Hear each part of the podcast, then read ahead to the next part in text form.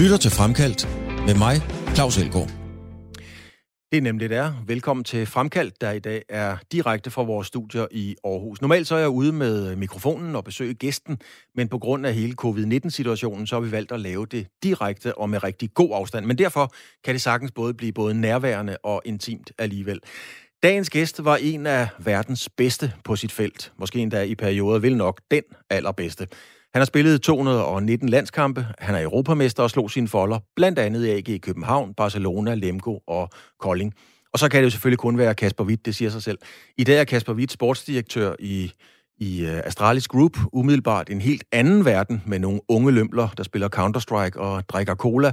Det mix skal vi tale meget mere om. Men også om øh, Kasper Witt som person, en ukulig, kompromilløs vinder. Hvem er den mand i virkeligheden? Det har jeg faktisk i mange år i faget spurgt mig selv om. Kasper Witt, velkommen til. Du holder foredrag. Øh, du holder mange forskellige foredrag. Normalt så ville det jo ligesom være mig, der gav bolden op og åbnede ballet med at stille dig et, øh, et spørgsmål. Men Kasper, nu vil jeg vende den om og sige, når, når du holder foredrag om performance for eksempel, hvad er det så, du starter med? Hvad er dit anslag? Hvad er det første, du fortæller folk? Det kommer meget an på øh, forsamlingen, øh, jeg er ude hos. Øh, det giver næsten sig selv, ikke? Men øh, øh, kvæg mit nuværende job som, øh, som sportsdirektør øh, hos Astralis, øh, og dermed sportsdirektør for, for i øjeblikket fem øh, e-sport-hold, øh, så, så er det næsten altid noget med, hvad er e-sport egentlig? Øh, det er jo... Øh, det er der rigtig mange, der har øh, en, en opfattelse om, men mås- måske ikke ved sådan øh, ret præcis, hvad det egentlig går ud på. Mange tror jo, at e-sport er, er Counter-Strike for eksempel, fordi det er, det, er, det er et af de spil, vi opererer med. Øh, men, men e-sport er jo tusindvis af spil, så forklarer jeg lidt om det, og, og, og hvor mange ting vi ser. Altså sådan, at man får øh, en eller anden stor forståelse af, øh, af rammen. Altså hvad er det, jeg laver præstation indenfor. Øh, det, det kunne være meget typisk. Og det skal vi, øh, Kasper, det skal vi selvfølgelig tale øh, meget, meget mere om, men vi skal selvfølgelig også uh, tale håndbold. Altså sidder du ja. nu og ser håndbold ligesom resten af Danmark, og kan slappe af med det, eller, eller vil du stadigvæk på en eller anden måde, jeg ved godt, din alder forbyder dig det, men vil du gerne have været med stadigvæk? Hvordan ser du en håndboldkamp? Øh, hvis jeg skal være helt ærlig, så har jeg faktisk kun set en lille bitte smule af, af en af Sveriges kampe i starten. Øh, jeg har simpelthen ikke tid til at se kampen her, til jeg ser... Øh, vores egne kampe, og som jeg sagde før, vi har fem forskellige hold. Øh, jeg er ansvarlig for altså at følge med i, øh, i deres resultater, og hvordan spillerne gør det, og, og hvordan det ser ud, alle de tiltag, jeg selv har sat i søen øh, hos diverse Astralis-hold. Det, det er energikrævende, så jeg har faktisk ikke tid til at se håndbold. Så jeg, jeg følger, jeg elsker at se resultater, altså fodboldresultater, håndboldresultater, så jeg følger med i, hvem slår hvem, og hvordan går det Øh, Argentina, der, deres træner er jo øh, Manolo Cardenas, det er en træner, jeg selv har haft i, i syv år, og har været i kontakt med de sidste, ja, siden 2001, måske to, to gange om, om ugen, to gange hver anden uge eller sådan noget. Ikke? Så følger med i deres resultater, fordi jeg synes, det er så imponerende, hvad sådan en mand han kan, han kan lave. Men jeg ser ikke kampe. Jeg har simpelthen ikke tid. Men, men nogen vil måske opfatte det, Kasper Witt, som om, at man så på en eller anden måde, jeg er godt klar over, at du har travlt, og, og I spillede også i går selv, og Astralis og så videre, men, men nogen vil måske opfatte det som om, nå, var det bare det, har han vendt ryggen til håndbolden på den måde? Altså, nå, var det i virkeligheden ikke andet? Uh, nej, jeg, jeg er ikke vendt ryggen til. Jeg kan faktisk rigtig godt lide uh, at tænke over uh, præstation, altså uh, grundpillerne til den solide præstation. Uh, altså hvis nu der er dagemesterskab, så den følge med på nogle lidt andre parametre. Altså hvorfor er det, man ikke øh, kunne slå Kroatien i, øh, i bronzekampen? Altså hvad var det, der skete der øh, med det danske hold og mulighederne i forhold til, øh, pludselig var man favorit.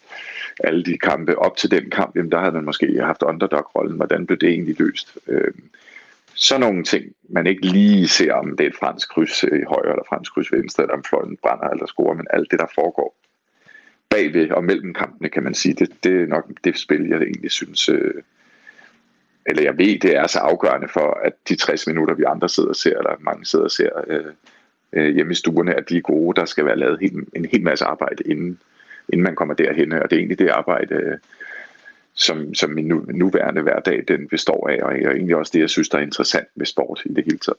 Men, men det, vil det sige, hvis jeg forstår det rigtigt, Kasper Witt, altså du kan ikke sådan i går så en bare sætte dig ned og nyde en håndboldkamp. Du, du har en analytisk øh, tilgang til den. Ja, altså, ja, helt klart. At jeg træner også, øh, min datter spiller håndbold øh, på et U13-hold, og det, hendes hold træner jeg. Synes jeg, det er Det lød som om, at der lige kom en, øh, en telefon ind over der, øh, Kasper Witt. Hvad lærer vi øh, unge piger? Ja, ja der, der var kom lige en telefon ind, der, det må jeg undskylde. Nej, Nej det, altså, det, det, jeg sidder, der kunne være, der jeg synes er sjovt, det er, hvad lærer man... Øh, hvad, nej, men hvad lærer vi for eksempel, øh, når man ser resultatet af ungdomsarbejde? Det er damelandsholdet, hvis det nu er det. Øh, hvad kan spillerne, og, og hvad kan jeg se jeg ude i diverse håndboldhaller med meget unge piger, vi lærer dem. Nogle gange står landstrænerne og siger, jamen vi har ikke spillere, der kan det og det. Nej, det er fordi, vi ikke lærer dem det fra barns ben. Så nogle ting, synes jeg er interessant. Ikke? Altså nogle, nogle røde tråde helt ned fra U11 og så op til damelandsholdet. Ikke? Hvis vi vil have nogle spillere, der kan finde det virkelig godt, øh, så skal man nok lære dem det i den alder. Og det har vi ikke rigtig værktøjerne til. Derfor kan man ikke det som damelandsholdsspiller. Ikke? Så nogle ting, synes jeg er, er, er virkelig, virkelig sjov. Jeg skylder lige øh, lytterne og fortælle, Kasper Witt, at øh, af tekniske årsager, så er det sådan, at øh, der, der, der kan være nogle små udfald nogle gange. Det, det, det lever vi med. Øh, vi kan desværre ikke gøre det ret meget, meget anderledes. Øhm, men Kasper ja. Witt, din, din tilgang til, til det her er altså meget ja. analytisk. Er din tilgang til livet i det hele taget meget analytisk? Nej, analytisk vil jeg ikke sige. Jo, altså observerende og... Øh reflekteret, håber jeg. Jeg synes, jeg egentlig har en ret reflekteret øh, tilgang til, øh, hvad der sker i mit liv, og øh, hvordan jeg og min familie gerne vil have det, og livet, og hvad skal vi så gøre for at få det, og, og hvor vil vi gerne hen af, og hvad vil vi gerne lære vores datter, og hvordan vil jeg gerne selv agere. Så på den måde jo, øh, analytisk. Det, det er ikke sådan, at der jeg bare lader ting ske, og ikke rigtig reflekterer over, hvorfor skete det, eller eller det var egentlig ikke meningen, eller hovsa, det var lidt tilfældigt. Nej, det, det har jeg nok ikke så meget af. Men, men kan, du godt, øh, kan du godt lade dig rive med? Det har jeg tit tænkt på, øh, når jeg har interviewet dig i embeds medfører efter håndboldkampe og, og, så, og så videre. så har jeg tit tænkt på, ham der Kasper Witt, kan han nogensinde bare lade sig rive med? Sker det? Ja, ofte. Men inden for en ramme. Øh, altså lade sig rive med af, at øh, hold da op, det her, der, for at en eller anden, på, lad os sige, en håndboldkamp eller en e-sportkamp, kan udføres på denne her måde, så er det virkelig et fantastisk stykke arbejde, der er bag ved kulisserne, for at det kan se så flot ud, når man spiller. Det øh, jo, øh, altså, jeg vil sige, jeg øh, synes nok, jeg vil sige, at jeg er passioneret, så, så passionen kommer frem, når jeg kan regne ud, at der virkelig er foregået et grundigt stykke arbejde for at levere et eller andet flot. Så det der er fantastisk. Når du sidder og ser øh, sådan nogle sportsbegivenheder. Nu for eksempel Astralis tager 2-0 i går til, til Narvi i en meget, meget stor turnering. Hvordan ser man det til forskel fra at se en, øh, en håndboldlandskamp for eksempel? Hvordan ser du det på? Hvad er forskellen for dig? Jamen, øh, altså, der er jo en åbenbar forskel, det er, at øh, det ene er, der løber der syv på hver hold rundt med en bold, og her sidder der fem mod fem øh, foran øh, 10 skærmen. Det er den åbenlyse forskel. Derudover er der faktisk ikke så meget forskel, fordi jeg ved jo, hvad, hvad vi arbejder med. Hvad er det, hvilke nogle værktøjer er det, der skal være til stede for øh, og, og blive brugt ordentligt, for at vi vinder en kamp med Astralis. Og det samme vidste jeg også, øh, nu nævnte du nogle af de klubber, jeg har spillet i, der siger jeg ikke i København. Jamen der vidste jeg, at hvis vi skal vinde, øh, så skal vi øh, spille på den og den måde, så skal vi have varmet op på den og den. Alle de her ting. Øh, og når vi ikke gør de ting ordentligt, så bliver resultatet dårligt. Så det er egentlig tilgangen til, til en håndboldkamp, eller en, øh, en Counter-Strike-kamp er faktisk det samme. Det er at sidde og sige, øh, jamen resultatet af det gode arbejde eller dårlige arbejde, vi laver, det er det, vi ser der. Derfor er vi ved at vinde, eller derfor er vi i gang med at tabe. Men er der nogle, men, men, nogle mentale mekanismer? Fordi det virker jo umiddelbart som to helt vidt forskellige verdener med to helt forskellige typer mennesker, øh, hvad DNA'en angår, altså øh, øh, Counter-Strike-spillere og håndboldspillere. Men er der virkelig nogle paralleller, som, som du virkelig kan se? Jamen altså noget af, jeg har været i Astralis i cirka fire år og arbejdet med, med, med de her spillere på Counter-Strike-holdet i fire år. Øh, og hele min, øh, det jeg ville bringe med fra håndbold, det var egentlig øh, tilrettelæggelse af en professionel hverdag. Og, og nu vil jeg sige, at vi er nået ret langt, også fordi det er intens. Der er, der, til start med har der kun været fem spillere, øh, der, der skulle ud i denne her, ud, man kan kalde det uddannelse i at være professionel. Ikke? Nu, nu er der ikke særligt, altså de er lige så professionelle som alle de håndboldspillere, du kender. Der er, de er mere grundige i forhold til forberedelse end de fleste håndboldspillere, jeg kender. øh, altså for eksempel en kamp, ikke? Øh, mere grundige i forhold til fysisk træning, hvad betyder det? Øh, og det er jo ikke noget, man tænker så meget over.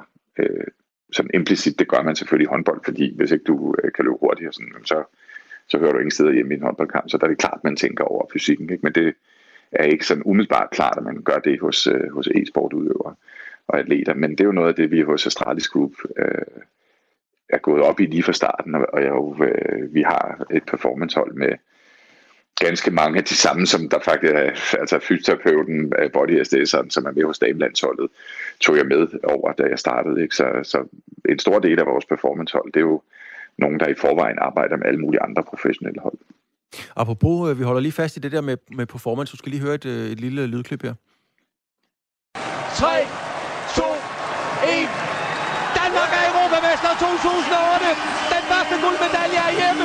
Hey! Sejr over Kroatien på 24-20. 24-20, og det var jo så uh, Thomas Christensen og Bent Nygaard, mine tidligere kolleger fra, fra TV2. Øhm, det her med, uh, med, med performance, altså hvis, hvis vi lige kigger uh, lidt ind i håndbolden, Kasper, så, så er der jo... Uh, tre rigtig dygtige målmænd lige nu, og du var selv, jeg ved, din beskedenhed forbyder dig at sige, at du var den bedste, men du vil godt være med til, at du er i hvert fald en af de bedste. øhm, ja. hvad, hvad er det, der sker, når, når man... Fordi man er jo både øh, man er jo både konkurrenter, fordi jeg går ud fra, med sådan et vinderinstinkt, som man har for at være der, så vil man jo gerne stå inde på stregen og starte inden. Men omvendt er der jo også en kæmpe vidensdeling. Hvad er det for nogle mekanismer, der er i spil, øh, når der er tre så gode målmænd? Uh, altså man kan sige lige netop, hvis vi tager de tre her, der er jo ikke nogen tvivl om, at Niklas han er nummer et. Uh, og det er nok også meget smart at rolle det, rolleafklaringen, den ligger klar, uh, inden de er taget afsted, ikke? Uh, de to andre skal kæmpe om det. Øh, jeg, jeg tror, øh, altså de hjælper hinanden helt klart og øh, supplerer hinanden, men man må også sige, at det er tre meget forskellige målmænd, både øh, sådan alder, og øh, statur og teknik. Så, så jeg, jeg ved ikke, hvor meget de egentlig hjælper hinanden. Altså, de hjælper hinanden øh, i det omfang, at de er til stede, og alle tre har leveret godt, ikke? så Niklas kan være tryg ved, hvis ikke han står godt. Øh, så er en af de andre, de skal nok øh, komme ind og, og klare det mindst lige så godt, som, som jeg har gjort det. det. På den måde kan de hjælpe hinanden. Man kan sige, øh, det virkede som om tidligere, hvor, hvor Niklas i, en del slutrunder i træk havde haft Janne Gren med som makker, der har de jo nok fået udviklet øh, en, en form for husk lige, at øh, når du går lidt længere ind i målet, altså små detaljer, så er det altså sjældent, du redder. Jeg ser, at du er meget defensiv. Øh, det kan man godt blive som målmand, hvis der er gået på bolde ind i træk, så går man længere og længere ind i målet, og man får svært og svært ved at redde bolden. Så kan den, hvis man kender hinanden meget godt, så kan, kan målmanden ude på bænken lige sige, altså, ikke være bange. Næste bold ud i hovedet på dem. Frem i målet. Det er der, du fylder noget. Ikke? Små detaljer, altså være oppe i helikopteren, kan man sige. Øh, og se sådan det taktiske tilgangen til, hvordan man egentlig skal redde boldene. Sidder den lige i skabet, eller er den, har den rykket sig lidt, fordi der er, der er sket, der er gået nogle bolde ind i træk eller sådan noget. Ikke? Sådan kan målmændene hjælpe hinanden, men der tror jeg bare, at de, den trio, vi har afsted nu, de har ikke været afsted nok gange sammen til at, at have den feeling med hinanden endnu. Men jeg lagde mærke til, øh, Kasper, da, da, da du spillede, altså ofte, hvis du så lige måtte en tur på bænken, det skete jo da trods alt en gang imellem, at så kunne du godt gå ud og, og give målmanden et godt råd, og ligesom gestikulere og kigge ned om højre fod, eller hvad du nu sagde. Altså den der vidensdeling, er, er det en speciel dansk ting? Altså gjorde I også det i Barcelona, eller sad man bare og ja, det på gør, det gør man. Ej, nej, det gør man overalt. Altså, øhm, der er jo meget med, hvis man lige har været øh, inde på, lad os sige, en eller anden skulle have scoret fire mål i træk, ikke? og det, der er, man har en klar årsag til det. Man kan bare ikke løse det. Øh, altså, de gode skytter, de får øh, hele deres skudafvikling til at ligne, når, ham her, når jeg gør det her, så skal jeg selvfølgelig skyde venstre ned, lad os sige det for målmanden. Mm, så ens hjerne er i gang med at sige, så nu bliver det jo venstre ned, men han skyder hele tiden til højre. I sidste sekund kan han ændre en eller anden lille detalje, og det går jo så ret stærkt, skal siges, fordi fra en eller anden hopper op til, han har slukket bolden, der går et splitsekund, ikke? men der når man alligevel at observere ret meget som målmand. Øh, der, er det, der kan man jo godt gå ud til den anden og sige, at han får det altså til at se ud, som om det skal være et skud til venstre fod, men de sidder hele tiden i højre. Vær lige opmærksom på det. Så målmandene kommer ind, ikke også bliver snydt to gange, før man begynder at observere det. Ikke? Så er hele holdet blevet snydt seks gange, kan man sige. Men det... Så det er jo sådan nogle små detaljer, man får. Men Kasper, den vidensdeling der, og, og man kan sige, at vidensdeling, det lyder jo som noget helt naturligt, men det er jo ikke noget, der bare foregår på alle arbejdspladser, når man kommer ind. Jeg er ikke sikker på, at alle sælgerne i en virksomhed fortæller de nye sælgere alle de gode tricks. Er det sådan noget vidensdeling, du har kunne forklare de unge mennesker? Fordi det er jo ikke nødvendigvis en del af deres vokabularium. Øh, I e-sport, mener du? Ja. Ja, men der kan man sige, øh, ja, i, i den grad, men også sådan, her er der jo, øh, altså det ene spil er det jo sådan noget, at man spiller nogle runder af to minutter, og der øh, kan man så blive skudt, så er man så ude resten af runden. Øh, men der er jo for eksempel det med, at i stedet for at sidde og ærger sig og hammer i skærmen, og ikke, var jeg dårlig der, så kan man faktisk sidde og observere spillet, så man kan, i stedet for at blive sur på sig selv, så kan man faktisk hjælpe holdkammeraterne. Så man bliver, altså ja, vi mangler en mand, men vi har stadigvæk hans øjne til at observere. Pas på, der står en derovre, jeg har ikke set ham, eller hvad det nu måtte være. Ikke? Øh, og, altså, at man egentlig kan influere positivt, selvom man har fået en, en umiddelbar sekundær rolle. Sådan nogle ting øh, er jo ting, man kan lære. Ikke? Og det, det er jo lidt det samme som øh, folk, der brænder to skud op i angrebet, og så går de ned i forsvaret, og så, så står de og øh, tænker på det, der er sket, og så bliver de lige snydt to gange også der, fordi de... Og så to fejl i angrebet blev faktisk til to fejl ekstra nede i forsvaret også. Ikke? Så nogle ting kan man øh, sagtens overføre fra for eksempel håndbold og til e-sport. Og hvis man taler om at overføre ting, altså håndbold, så hvis man taler rebeller i håndbold, ja, det er så på damesiden, så kan man ikke undgå at tænke på, på Anja Andersen. Øhm, er der plads til, til sådan nogle, når jeg siger primadonnaer, så er det egentlig kærligt ment i forhold til Anja Andersen, men er der plads til den type også i e-sport, eller er det så meget et holdspil, så det kan man bare ikke have, have med? Jamen, det er lige så meget et holdspil som, og et samarbejde som håndbold er et samarbejde, som det salgsteam, du lige talte om, om den ene sælger videregiver informationer til den anden, som de jo også er et hold, der skal, der skal opnå et eller andet sammen. Fuldstændig det samme. Ikke? Så selvfølgelig øh, alle hold og alle grupper, der skal organiseres i et samarbejde, de har jo deres måde at gøre det på, og, og deres øh, særlige ting, fordi at vi mennesker, vi skal bidrager vi er alle sammen forskellige. Ikke? Øh, der skal der være plads til nogen, der kan noget specielt men det skal jo være inden for en, en fælles ramme, som en leder bestemmer, altså en træner bestemmer, eller en sportschef bestemmer. Altså, vi opererer sammen inden for de her regler, og der kan man så øh, udfordre og gøre de ting, men man kan ikke bare øh, gøre det, der passer øh, en selv, og så glemme at fortælle det til de fire holdkammerater. Så taber holdet jo med næsten 100% sikkerhed.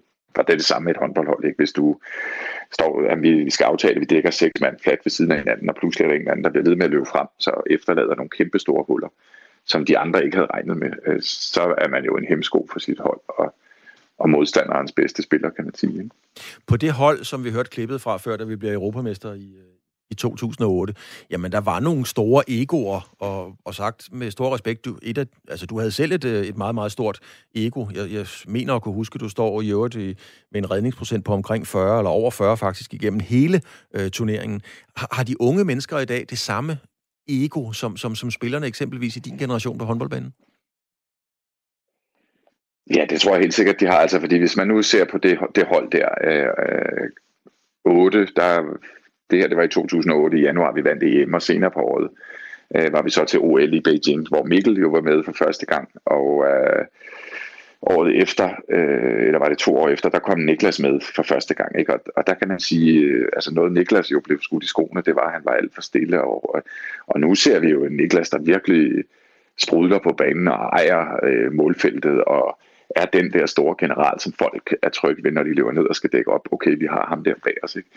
Så der, man kan sige, at folk udvikler sig jo også, som, som man får nye roller, og øh, hierarkierne bliver, bliver anderledes. Altså, man rykker opad, man bliver ældre, man får mere erfaring, man bliver den, der skal videregive.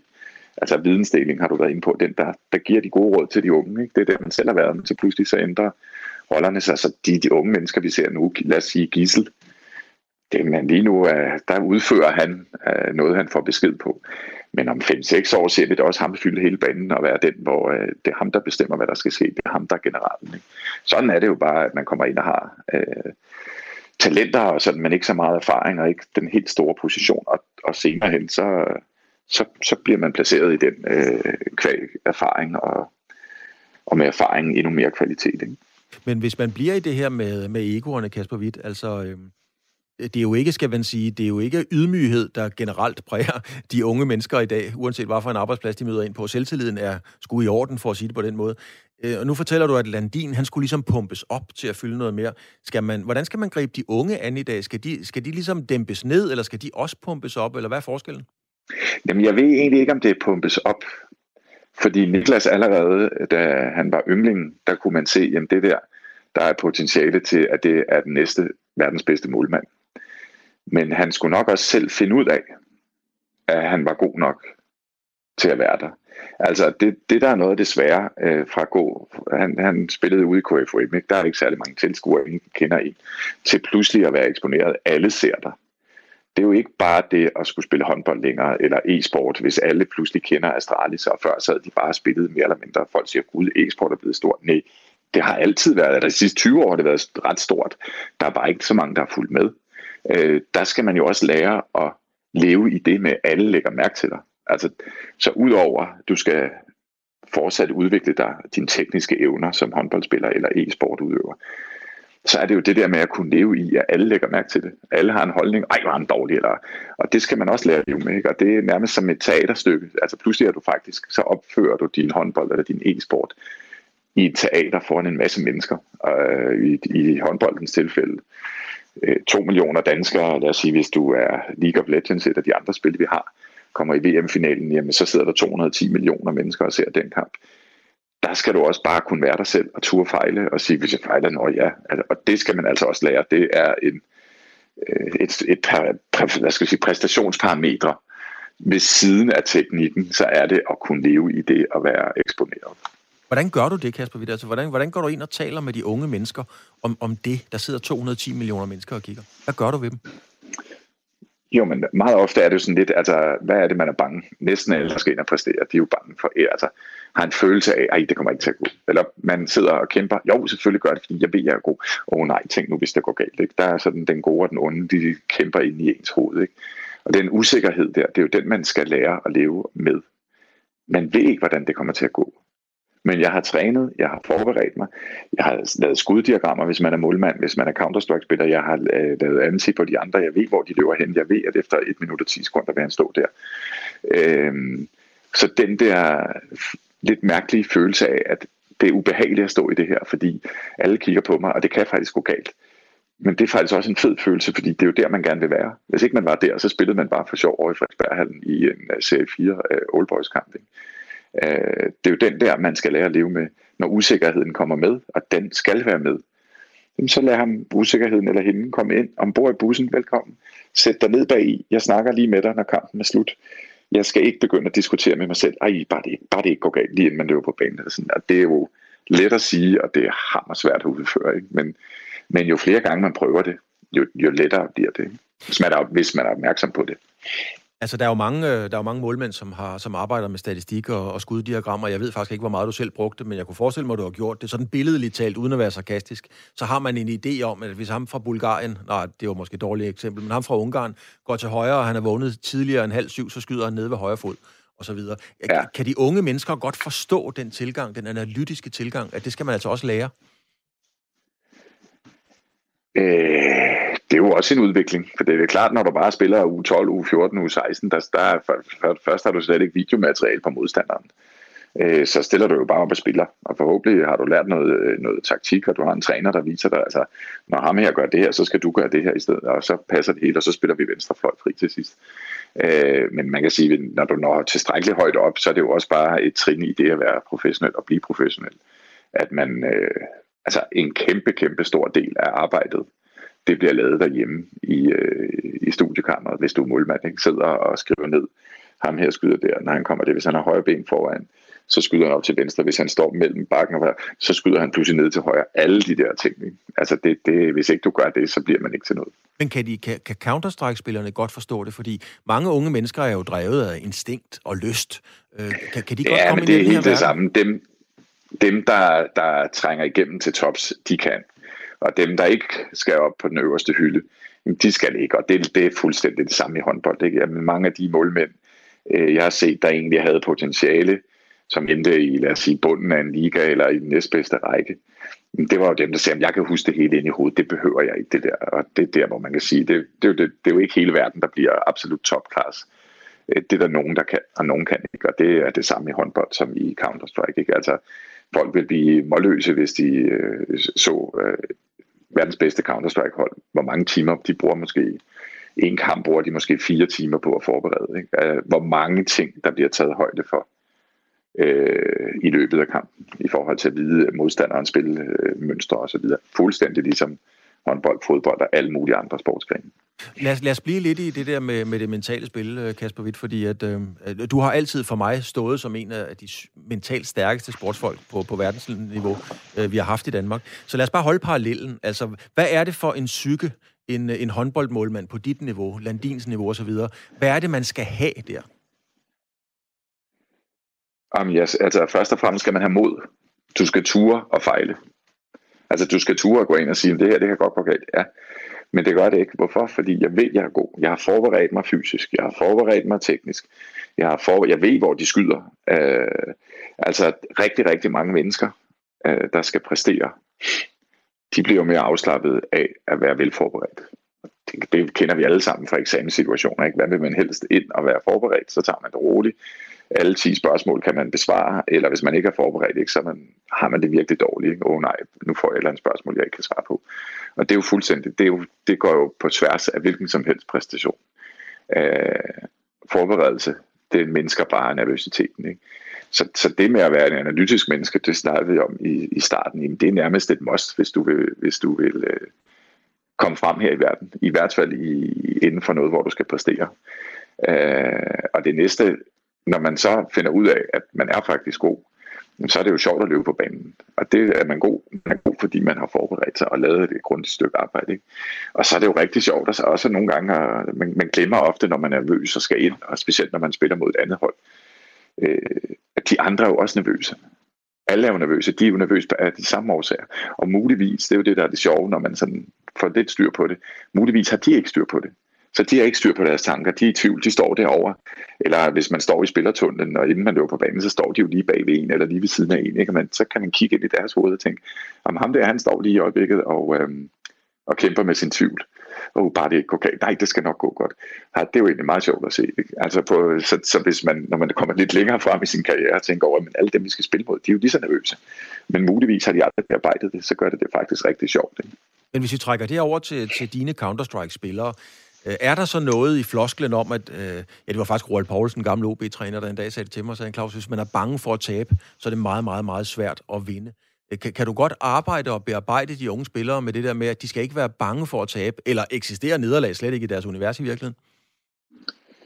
Jo, men øh, ja, det er øh, noget af det første, jeg sagde til mine, det er, at vi kan da sagtens tabe. Altså, det, når man stiller op, så må man forstå, altså stiller op mod en modstander, må man forstå, så kan man selvfølgelig godt tabe. Men vi skal bare kunne se hinanden i øjnene efter en kamp og sige, at vores fikspunkter, altså hvad skal være til stede, når Astralis spiller. Der skal være punkt A, punkt B, punkt C, punkt D. Har vi gjort de ting? Ja, det har vi. Godt, så kigger vi op på resultattavlen. Og så som jeg siger, når vi har gjort de ting, vi ved, vi skal, og det kan, det kan være svært nok, men når vi har gjort det, så vinder vi 85% af kampen cirka. Og de resterende 15, der må man bare sige til modstanderen, flot, flot arbejde. Fantastisk flot. I har vundet. Tillykke med det, dreng. Men til gengæld, så ved vi så, at rigtig, rigtig mange af kampene, når vi kan sige, at vi har gjort det, vi skulle, så vinder vi. Det, man ikke kan leve med, øh, det er, at man på en eller anden måde forærer modstanderen øh, sejren, fordi man ikke har, man har ikke været grundig nok. Man har glemt øh, at holde fast i de principper, der skal være til stede, for man, man er god. Ikke? Så, så, og så er det surt at tabe, men selvfølgelig, hvis ikke du kan forstå, at i en konkurrence mellem to, der kan du godt risikere at tabe så er der et eller andet grundlæggende, man har misforstået, og så tror jeg slet ikke, man skal være med, hvis ikke man kan leve med det. Det der med at, at forberede øh, unge mennesker på, øh, på et nederlag, hvis man ser X-faktor, så, så er der jo tydeligvis folk, som ikke kan synge, som er dybt forundret over, at de har tabt, altså de kommer ikke videre. Men det der med at komme tilbage, man kan sige, øh, I tager, I tabte i går, og nogle gange bliver man skudt i smadret, sådan billedligt talt, og nogle gange får du bolden lige bæret. Hvad gjorde du ved dig selv for ligesom at sige, okay, jeg blev skudt ned, øh, men, men halvanden minut senere går du igen ud i en figur med åbne øjne og kigger, og, altså hvordan kan man det? nej, der er forskellige måder at blive skudt ned på. Ikke? Der er den øh, rent fysiske, som du siger, at få bolden i hovedet, øh, og så er den, men man er altså mentalt skudt ned. Ikke? Der er scoret otte mål i træk, og man kan simpelthen ikke øh, få fat i bolden. Ikke? Altså den der med at blive skudt ned, og så rejse sig op og være klar igen halvanden minut efter, det er jo bare målmandens lod, og heldigvis. Det ser så voldsomt ud, og det, det kan være ret ubehageligt jo.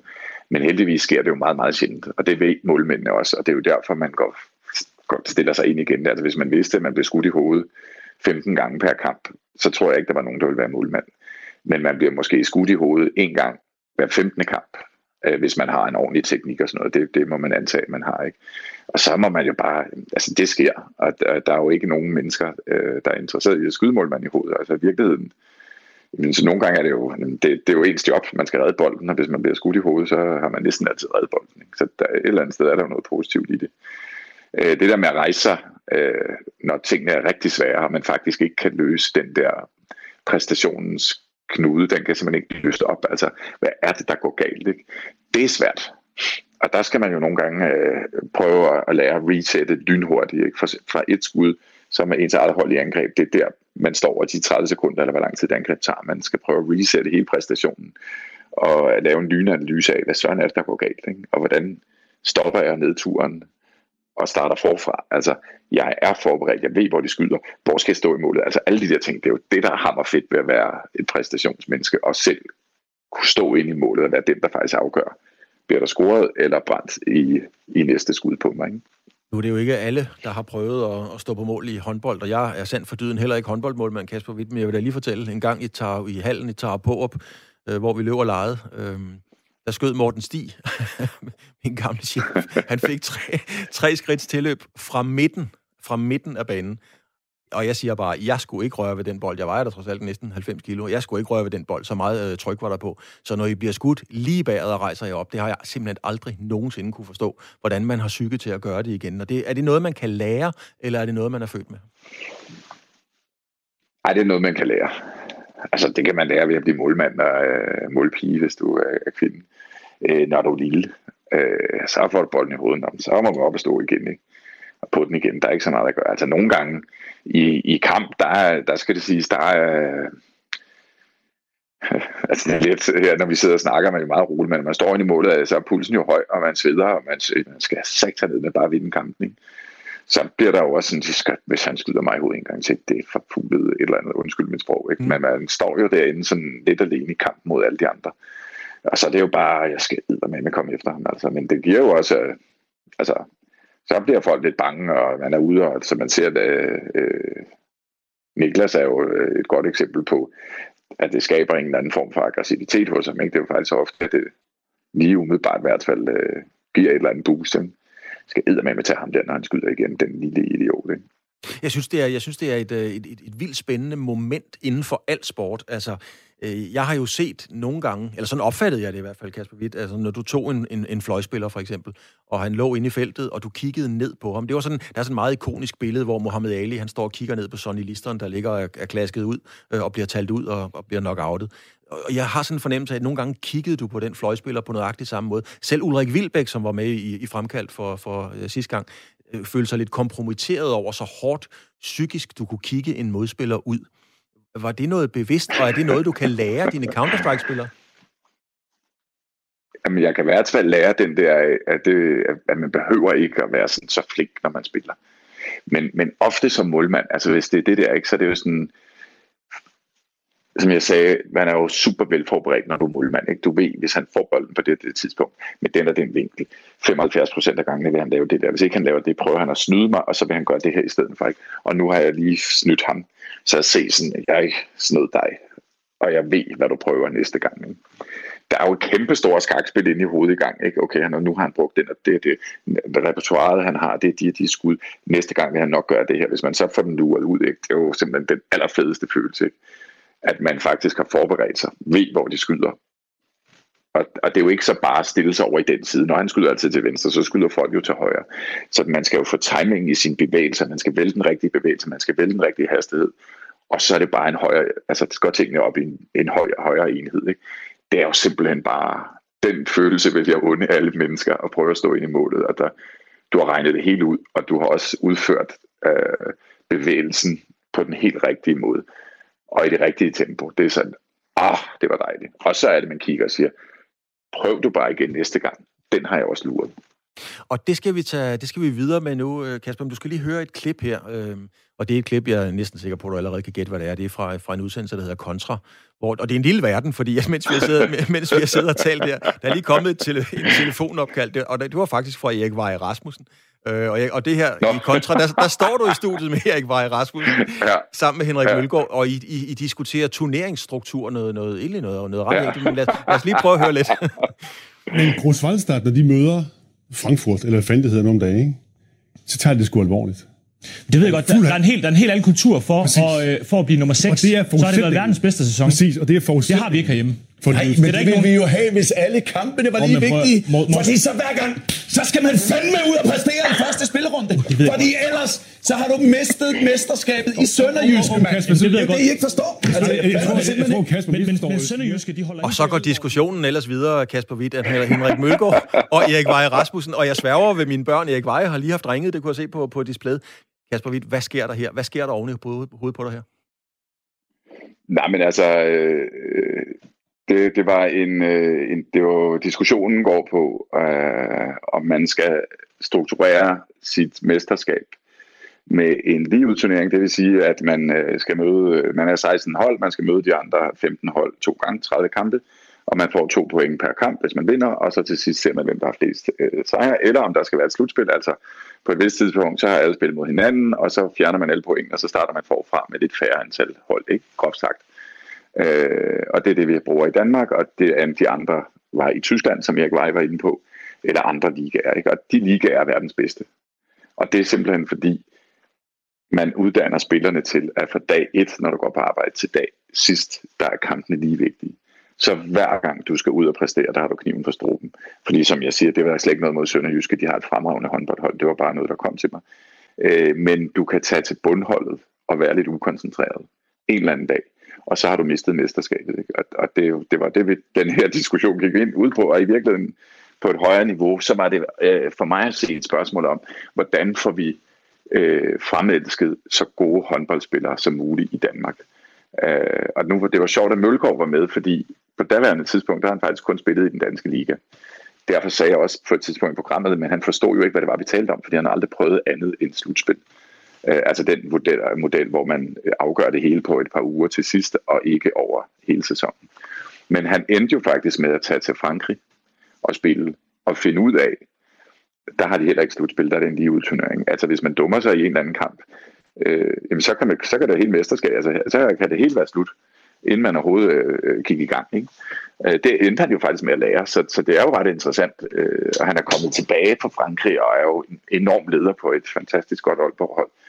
Så jamen, i virkeligheden så var det nok bare et udtryk for passion, vil jeg sige, på et, på et tema, som mange vil synes, ah, det var lidt ligegyldigt, men, men det er det altså ikke. Men det, jeg vil frem til, Kasper Witt, det er jo, at nu har vi hørt dig fortælle om, når du tager fløjskytten, og den måde, du systematisk forbereder dig, og hele din, øh, din monster psyke. Øh, og så hører vi dig her i studiet virkelig øh, med passion og tage ejerskab på det osv. Og, og så lige pludselig, så, så kommer der et bud, hvor der er nogen, der spørger, om du vil arbejde med nogle unge Counter-Strike-spillere. Altså det, som man billedligt talt tænker på nogle nørder, der drikker cola, spiser chips, og så sidder de og spiller Counter-Strike hele natten lang. Hvad tænkte du på, da du fik det tilbud? Jamen i starten tænkte jeg selvfølgelig, nej, altså, det, det skulle jeg ikke. Altså jeg, vil, jeg skulle arbejde med præstation. Men så mødte jeg så, øh, altså nu har vi, øh, vi opererer i tre forskellige spil, ikke? så jeg er chef for, for, det svarer bare til, at jeg er chef for et håndboldhold og et baskethold og et, og et fodboldhold, og så har vi også nogle talenthold under de der. Men da jeg mødte det ene, det er så nok øh, det, i en dansk kontekst det kendteste hold, altså vores hovedhold på Counter-Strike, mødte de spillere der, øh, der kunne jeg jo godt se, at der er jo tusind ting, de aldrig har tænkt over i forhold til præstation. De har kun tænkt over det, der foregår inde i spillet, lige når man er på banen. Svarende til, at håndboldspillere har kun tænkt på, jamen når vi spiller kampen eller træner de 40 gange 20 meter, der gør vi de her ting. Og dem, der kan jeg jo ikke lære dem noget overhovedet, øh, selvfølgelig. Men de har slet ikke tænkt over, hvad tid, alt, alt det, der foregår, når man ikke er inde på banen. Hvordan løbetræner man? Hvordan styrketræner man? Hvorfor skal man gøre det? Hvornår skal man gøre det? Hvordan spiser man for at kunne træne så effektivt som muligt? Hvor meget skal man sove? Hvor mange dage kan man arbejde i træk uden at blive for træt? Hvornår skal vi holde pause? Alle de ting, der ligger bag den gode præstation, bag ved kulissen, som ingen ser, som ikke er det, man ser i fjernsynet, det man ser i fjernsynet er resultatet af alt det andet. Ikke? Det manglede i e-sport eller hos Astralis. Og det var det, jeg tænkte, det kan jeg godt bibringe. Og her er der faktisk nogen, som rigtig gerne vil lære. Det er en sjov opgave. Så derfor tog jeg den. Men hvad var det for nogle, øh, eller det ved jeg ikke, om der var, men jeg kunne forestille mig, der må have været nogle frustrationer. Altså, fordi kunne du godt med det samme acceptere, at de ikke lige havde det samme mindset og tilgang til tingene som dig, eller, eller hvordan, hvordan skulle I finde hinanden i, i den første tid? Altså, jeg skulle jo først og fremmest finde ud af, øh, at det er jo ikke håndbold. Deres sæsoner er bygget op på en anden måde. Hvad er de vigtigste turneringer? Hvor skal vi pike toppen? Og så videre. Hvad kan jeg egentlig regne med? Altså, jeg havde jo en masse ting, hvor jeg siger, men det her, det er jo bare ABC. Det skal, de her ting skal til, dem sætter vi i gang. Ikke? Og der kunne jeg godt se, okay, jeg kan ikke sætte 20 ting i gang, så må jeg nok vælge en eller to, vi starter med. Øh, og derefter, øh, så begynder vi. Ikke? Og så de har, øh, spillerne har nok tænkt, hvad Søren skal en håndboldmålmand hjælpe os med. Ikke? Altså, øh, han ved da ikke noget om Counter-Strike, men det behøver jeg heller ikke, for der har vi en, en fremragende træner, der ved noget om det. Men jeg er, er egentlig stadigvæk i gang med at lære dem at være professionel. Øh, altså Øh, opbygge et professionelt liv, der gør, at man kan spille så lang tid, man har lyst. Øh, at man ikke skal stoppe, fordi man ikke kan mere, osv. videre. Alt det jeg vil sige, da jeg startede der, det svarer måske bare til dansk håndbold i starten af 90'erne cirka, hvor det var sådan jamen, glade amatører, de fleste, der havde, havde job og sådan, og så fik vi nogle svenser. Jeg sådan, synes jeg med, med Ulf Schäffert, der blev ansat som, øh, som landstræner i Danmark, øh, tror det var 93 eller var det 94, 94. Øhm, han satte øh, en ny bølge i gang, og, alt det, vi er blevet til i dansk håndbold, det er egentlig øh, baggrund og resultatet. Det, det er resultatet af alt det, han har sat i søen. Eller der var nogle, nogle ting i gang, men han strukturerede det meget bedre. Og det er egentlig det samme, jeg øh, laver i Counter-Strike eller i e-sport i det hele taget. Det er så bare øh, tidsmæssigt forskudt, ikke? Men hvis man starter sådan øh, bare et sted, for eksempel i, i fodbold, og formentlig også i håndbold, der er der jo såkaldte bødekasser, hvad enten man bander og kommer for sent, eller gør et eller andet der udenfor, så, så skal man bidrage til, til bødekassen. Øhm, jeg har en idé om... Det er, det er der også hos Astralis. Ja, og det, jeg har bare sådan en idé om, at det her starter op, og det kan godt være, jeg er helt forkert på det, men jeg har sådan et billede inde i mit hoved af, at hvis der havde været en bødekasse for at komme for sent, så ville det være den største bødekasse i hele verden. så ville det være ligesom sådan Joachim von Antank. Altså, eller, eller kom drengene bare nej, til tiden? Nej, nej, ved du hvad, Claus, fordi at øh, hvis, du, hvis du bliver så dominerende, som, øh, som det her Astralis Counter-Strike-hold øh, er og har været øh, de sidste fire år, hvis du bliver så dominerende i, i et eller andet, i verden, så er det fordi, du har noget specielt. Mm. Øh, og så er det sådan set ligegyldigt, om du er håndboldspiller, eller om du er Counter-Strike-spiller, eller om du er League of Legends eller FIFA. Hvis du kan dominere et eller andet på den der måde, så er det fordi, du har et talent, der er ekstraordinært. Og, og det er jo også for at forstå, at her kommer man selvfølgelig til tiden. Øh, og her der, op, altså, der har vi nogle spilaftaler, og dem holder vi. Det er derfor, vi har dem. Så alle bliver koordineret inde på mappet så, altså man placerer sig de rigtige steder på de rigtige tidspunkter, ligesom når man ser håndboldsystemer. Ikke? Øh, dem, der ikke forstår det, de, de er jo slet ikke nået frem dertil, hvor jeg møder et af verdens allerbedste hold. Altså der er man jo sorteret fra for længst. Men Kasper, hvad er så den store forskel i at arbejde med de her øh, Counter-Strike-spillere, som har en anden kultur, end at arbejde med, skal vi sige, de traditionelle atleter, hvad enten de er roer, fodboldspillere eller brydere? Ja, man kan sige, at det, der er den store forskel, som man måske nogle gange glemmer det, det er opvæksten. Altså øh, en traditionel øh, atlet øh, tager hen et eller andet sted i den tidlige alder, og så spiller man U10, U12, U14 og så U16, og deromkring kommer du så på Københavns udvalgt hold, og så kommer du på yndlingslandshold, ungdomslandshold, alt sådan noget. Ikke? Og hver gang lige fra U10, der har du stået med en træner, der sætter rammen for, sådan her agerer vi sammen. Du skal ikke sige det til ham derover, så kan du ikke være med, for eksempel. Øh, e-sport, der er folk vokset ud af, at de selv har øh, kæmpet sig frem, altså har fået et talent, blevet gode til et eller andet, så begynder man selv at finde nogle holdkammerater. Alt foregår online, du tager ikke et sted hen. Sådan har det været.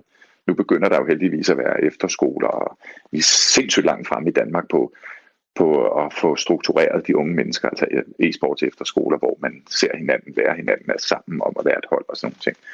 Men egentlig så, så har folk ikke, de er ikke vant til at blive trænet. De er ikke vant til at blive ledet, kan man sige. At der faktisk er en, der bestemmer. Og, og det kan være en, øh, det er nok den største udfordring og den største forskel øh, i forhold til traditionel sport. Ikke? Hvis man kigger på det pres, der er, altså nu talte du selv om, at, øh, eller i starten talte vi om, at der sidder mange, mange, ja 100 millioner mennesker og, og kigger på det. Er, er presset på en Counter-Strike-spiller, og der er også meget, meget store penge i det, i virkeligheden øh, større end på, øh, på en håndboldspiller for eksempel? Det kommer jo an på, hvordan man ser det. Ikke? Altså, der er jo ikke nogen nation, der står bag Astralis. Der er jo ikke noget landshold, kan man sige. Men det er klart, at, at, at, i at håndbold er jo en meget lille sport, og også meget mindre e-sport. Det e-sport er jo kæmpe, kæmpe stort. Ikke? Så øhm, presset er det samme. Fordi jeg tror egentlig, at, at for de her atleter, vi taler om, topatleter i hver deres sport, øh, der er det det indre pres, der er det største. Altså Astralis har vundet fire verdensmesterskaber, men vi vil stadig gerne vinde det femte. Der er stadig pres på, fordi vi vil samme slå de andre. Øh, Danmark er blevet både europamester, verdensmester og olympisk mester, men de vil stadigvæk gerne prøve at blive verdensmester øh, inden for den næste halvanden uge. Øh, det er det pres, der er det allerstørste, og det er det samme, om det er det ene eller det andet. Ikke? Og man kan sige, hvis en League of Legends-spiller starter øh, VM-finalen, så sidder man jo ikke og tænker på, at der er 210 millioner seere. Så spiller man jo bare spillet. Ikke?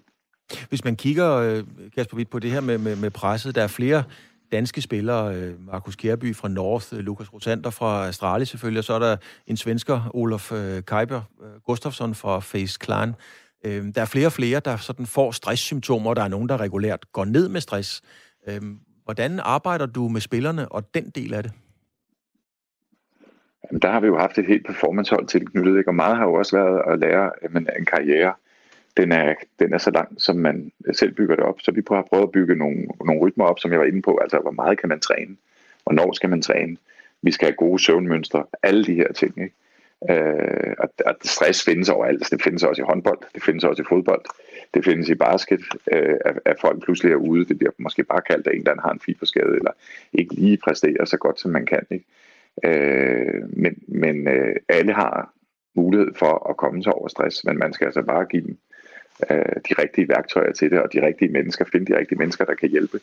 Øh, stress kan jo være forårsaget af mange forskellige årsager, ikke? og vi har i 2020 haft to spillere ude i en periode med stress, men øh, de kom tilbage og udviklede sig både som, som spillere, men egentlig også mennesker af. Altså, hvad er det, de skal gøre for at, og, øh, at være så gode som muligt? Altså, det er jo også en del af den her udvikling i at være professionel. Ikke? Hvordan lever man med øh, det arbejdspres, der nu engang er?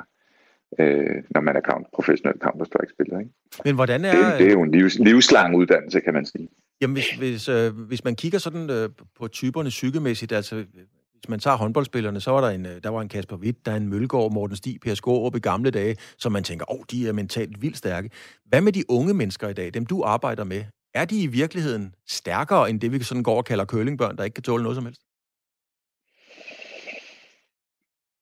Det er jo utroligt svært at generalisere. Ikke? Altså, det kommer også an på, hvordan man er opdraget hjemmefra. Altså, hvad der, man er vant til, at der bliver stillet nogle krav, og at man, kravene bliver gradvist større, fra du er lille til du er stor. Eller er du vant til, at alt bliver gjort, og der bliver ikke stillet nogen krav? Altså, så er det sådan set ligegyldigt, om du er Counter-Strike-spiller eller håndboldspiller. Første gang du så møder en eller anden, der står og siger, du skal du gøre det her. Oh, så bliver det hårdt, og det er uha, det kan man ikke vel. Så det er jo meget svært at generalisere. Men, men altså, generelt set tror jeg ikke på, at, øh, at folk var stærkere dengang, eller at Kasper Wittium han var mentalt stærk. Det var jeg sikkert, men det var også fordi, jeg havde en, en mental sådan indstilling i, at ja, jeg skal bare arbejde. Men lad os sige, lige efter et stort mesterskab, der er man fuldstændig balleret, og man vil nok sige topstresset øh, af denne her intensitet, der har været. Og så skal man, lad os sige, at nu hørte vi, vi, vi var blevet europamester i 2008. Tre dage efter startede den spanske liga, og så er der bare ligakamp. Men øh, jeg kunne simpelthen, jeg følte målet var 10 meter højt og 10 meter bredt jeg kunne ikke redde en bold. Jeg var til stede, men jeg var nede med stress. Jeg havde, min hjerne var så stresset, så jeg kunne simpelthen ikke... Jeg kunne godt se, nu kommer bolden, men jeg kunne bare ikke bevæge mig. Men, men Kasper Witt, skal man revurdere den tilgang til tingene? Altså med, med dine spillere, dem du arbejder med, øh, vil de kunne tåle den tilgang? Øh, fordi du er jo selv svært ved det, kan jeg næsten høre. Øh, nej, men altså, der skal man da have nogen, der, der hjælper en, og man skal også være god til at sige, at altså, jeg er lige her, eller inden man når dertil, skal man sige, puha, ikke? Øh, og så nogle gange må man også bare leve med, jamen der er, der er jo, øh, man er ikke 100% hele tiden. Det er der ikke nogen mennesker, der er. Det er der ikke nogen mennesker, der kan være. Nogle gange har man meget energi, nogle gange har man mindre. Øh, og, og det vi arbejder meget med, det er, lad være med at tro, at du har 100%. Så hvis du en dag er flad, og du har ikke sovet, eller et eller andet, så du har kun 50, jamen, så må du få det bedste ud af de 50, du kommer med. Øh, du skal ikke have ondt af dig selv. Så får vi kun 50% ud af de 50. Så skal man have 100% ud af de 50. Men jeg tror, at man kan være på toppen hele tiden. Det der jo meget godt. Jeg er ikke helt på toppen i dag. Nej, og hvis du kigger det rundt i gadebilledet, det er de andre formodentlig heller ikke. For hvornår er man 100% på toppen? Så man skal nok bare lære at leve med en gang imellem. Jamen, der er lidt bedre kørende end andre. Kasper Witt, øh, programmet hedder jo Fremkaldt, og normalt så tager jeg et billede med min mobiltelefon, og så skal gæsten ligesom kigge på billedet og fortælle, hvad er det for et, et billede, han, han eller hun ser af sig selv her. Så nu tager vi lige et virtuelt billede. Øh, du kigger på dig selv i spejlet, og så Kasper, fortæl mig, hvor, hvad er det for et billede, du ser af dig selv? Er du der lige præcis nu, hvor du gerne vil være, og hvor du havde regnet med at være for nogle år siden? Øh, jeg er der, hvor jeg havde regnet med at være for tre år siden, øh, og jeg er et sted, øh, hvor jeg rigtig, rigtig gerne vil være. Det er utrolig sjovt at prøve at strukturere e-sport øh, på, en prof- altså på en professionel måde. Det er en virkelig fed opgave. Det er rigtig, rigtig sjovt at se så store mængder af mennesker, vi rent faktisk kan hjælpe. Øh, e-sportatleter eller unge mennesker, der er gamere, altså lære dem gode vaner og øh, træne dem op til at være så de, vi viser vejen til at være professionel. Hvis du havde spurgt mig for fem år siden, øh, vil du så sidder du om fem år og, og er sportsdirektør hos Astralis for en masse gamere, øh, og nogle af holdene er verdens bedste, så har jeg nok sagt, nej, nej det, det tror jeg ikke. Øh, men, øh, men sådan er livet jo forunderligt. Øh, jeg har kendte nogen, der var kommet ind i det her, øh, nogle tidligere kollegaer fra AG København, og tog mig, de kunne se, at her er der en opgave, Kasper kan løse. Øh, og så tog jeg den. Øh, og det var også et spring, og nogle gange skal man jo ture og hoppe ud i det ukendte, og så tro på, at der rent faktisk er et sikkerhedsnet, når man er hoppet ud, øh, og ikke være bange for at ture. Din, øh, din gamle træner, Ulrik Vilbæk, sagde til mig i, i, i samme program, han sagde, at han var definitivt færdig med håndbold. Han kommer aldrig nogensinde tilbage. Øh, kan du sige det samme? Nej, man skal aldrig sige aldrig, men man kan sige, øh, de sidste fire, jeg, jeg er blevet meget specialiseret inden for e-sport de sidste fire år. Og jeg har været øh, succesrig med det, jeg er kommet med. Det har virket. Øh, jeg har været utrolig heldig med at komme ind i Astralis Klub, hvor der er så utrolig mange talentfulde mennesker. Så vi har, vi har skabt en, øh, en, en rigtig god organisation. Og det er fedt, så det, jeg kan simpelthen ikke forestille mig, at jeg skulle øh, ud af det. Men man skal aldrig sige aldrig. Uh, som jeg lige siger for fem år siden, havde jeg heller ikke regnet med, at jeg sad her, og jeg vil ikke engang spå om, hvor jeg sidder om fem år, men, men forhåbentlig med endnu flere hold, og har hjulpet endnu flere unge gamere uh, til at forstå, hvad det egentlig er at være en rigtig professionel. Kasper, vi nærmer os, øh, vi nærmer os så småt øh, udløbet. Nu siger du selv, at du har været heldig. Øh, så jeg, jeg tror ikke, der har været så meget held i din karriere. Når der har været en chance, så har du set den og taget den, og det kunne mange rigt, lære rigtig meget af. Noget, jeg er nødt til at spørge dig om, det er ganske enkelt. Øh, hver gang jeg har interviewet dig og set dig i fjernsynet, så har jeg tænkt, gud om den mand nogensinde griner af nogen eller noget. jeg har lige grint af det der øh, interview. ja, det hørte jeg faktisk godt. Jeg griner meget, men jeg vil sige det sådan, Claus, når jeg går på arbejde, så er jeg ret seriøs. Ja. Øh, men det er også fordi, altså, det er jo det, arbejde går ud på. Altså, der, er, der er et mål. Øh, det er derovre, vi skal hen af, og der, ved, jamen, der, skal, der, skal vi, der, er ikke som, der skal også være tid til det er sjovt. Det skal være sjovt at spille en e-sportkamp, og hver kamp bygger op til, at vi bliver verdensmester på et tidspunkt. Men for det er sjovt, så skal man være grundig. Øh, og, og for at være grundig, der kan, der kan man ikke altid stå og grine. Der skal man være koncentreret. Altså, hvis man skal huske nogle aftaler, så kan man ikke stå og lave nogle, nogle jokes samtidig, eller hvad ved jeg ikke. Altså, det går ikke, fordi så begynder man at bruge procenter af sit fokus det forkerte sted. Ikke? Så der skal være tid til, at man skal grine, og man skal grine i det her tilfælde, for det hvor jeg er, når vi har vundet, og sådan, eller en eller anden har lavet en fed detalje, den skal man da grine af. Øh, men, men for man når derhen, så skal man være grundig, og det er det, der gør, at der bliver grint. Har du gået på mange kompromiser med, med dig selv og din opfattelse af tingene for at, at, at få det her, og det er det jo indiskutabelt, meget succesrige samarbejde til at køre? Øh, nej, jo, altså jeg har gjort nogle, øh, altså jeg, jeg er blevet klogere på ting, jeg ikke vidste så meget om. Og øh, når man får ny viden ind, jamen, så er ens opfattelse af en situation ændrer sig jo også. Så jeg vil ikke kalde det kompromis, men jeg har, jeg har øh, ændret nogle ting, fordi min opfattelse af en situation har ændret sig. Så har jeg ændret min adfærd, eller så kan jeg jo ikke gøre det på den måde, jeg havde tænkt, fordi det giver ikke men, nogen mening, når jeg nu ved, at så må jeg hellere gøre det på den her måde i stedet for. Ikke? Så nogle ting har ændret sig, ja, fordi at, øh, at jeg har fået flere informationer, jeg kunne putte ind i mine skemaer ind i hovedet. Og Kasper Witt, øh, nu har, vi, øh, nu har vi 45 sekunder tilbage, og vi er igennem uh, hele spørgerækken, men der er en ting, som uh, jeg personligt, det er jeg bare nødt til at spørge dig om, og, og det gør så ind i radioen. Øhm, de fleste målmænd uh, reagerer på diagrammer og ting og sager. Kunne du som målmand ja. nå at reagere instinktivt på, hvor bolden rent faktisk kom? Ah, det kan man ikke rigtigt, men ens hjerne, den, den uh, reagerer på, på, på det, nogle billeder, den har set før. Når et eller andet skud, det her det ligner, jamen, så sidder den op i venstre. Og det er derfor de gode skytter, som jeg siger, nogen får det til at se ud, som om det skal skydes op i venstre, men skyder pludselig ned højre. Det er det, der gør forskellen på en Mikkel Hansen og en standardspiller, for eksempel. Ikke? Der er ikke, hvis en stolt står og siger, at det, jeg er reaktionsstærk, det kan jeg sagtens nå, men det kan simpelthen ikke lade sig gøre, når man måler, hvor hurtigt kommer bolden. Så man reagerer på forhånd ud fra nogle, hjernen reagerer på forhånd ud fra nogle billeder, man kender. Selv kender. Tak skal du have, Kasper Witt. Klokken blev 14. 3 sekunder i. Tak for en...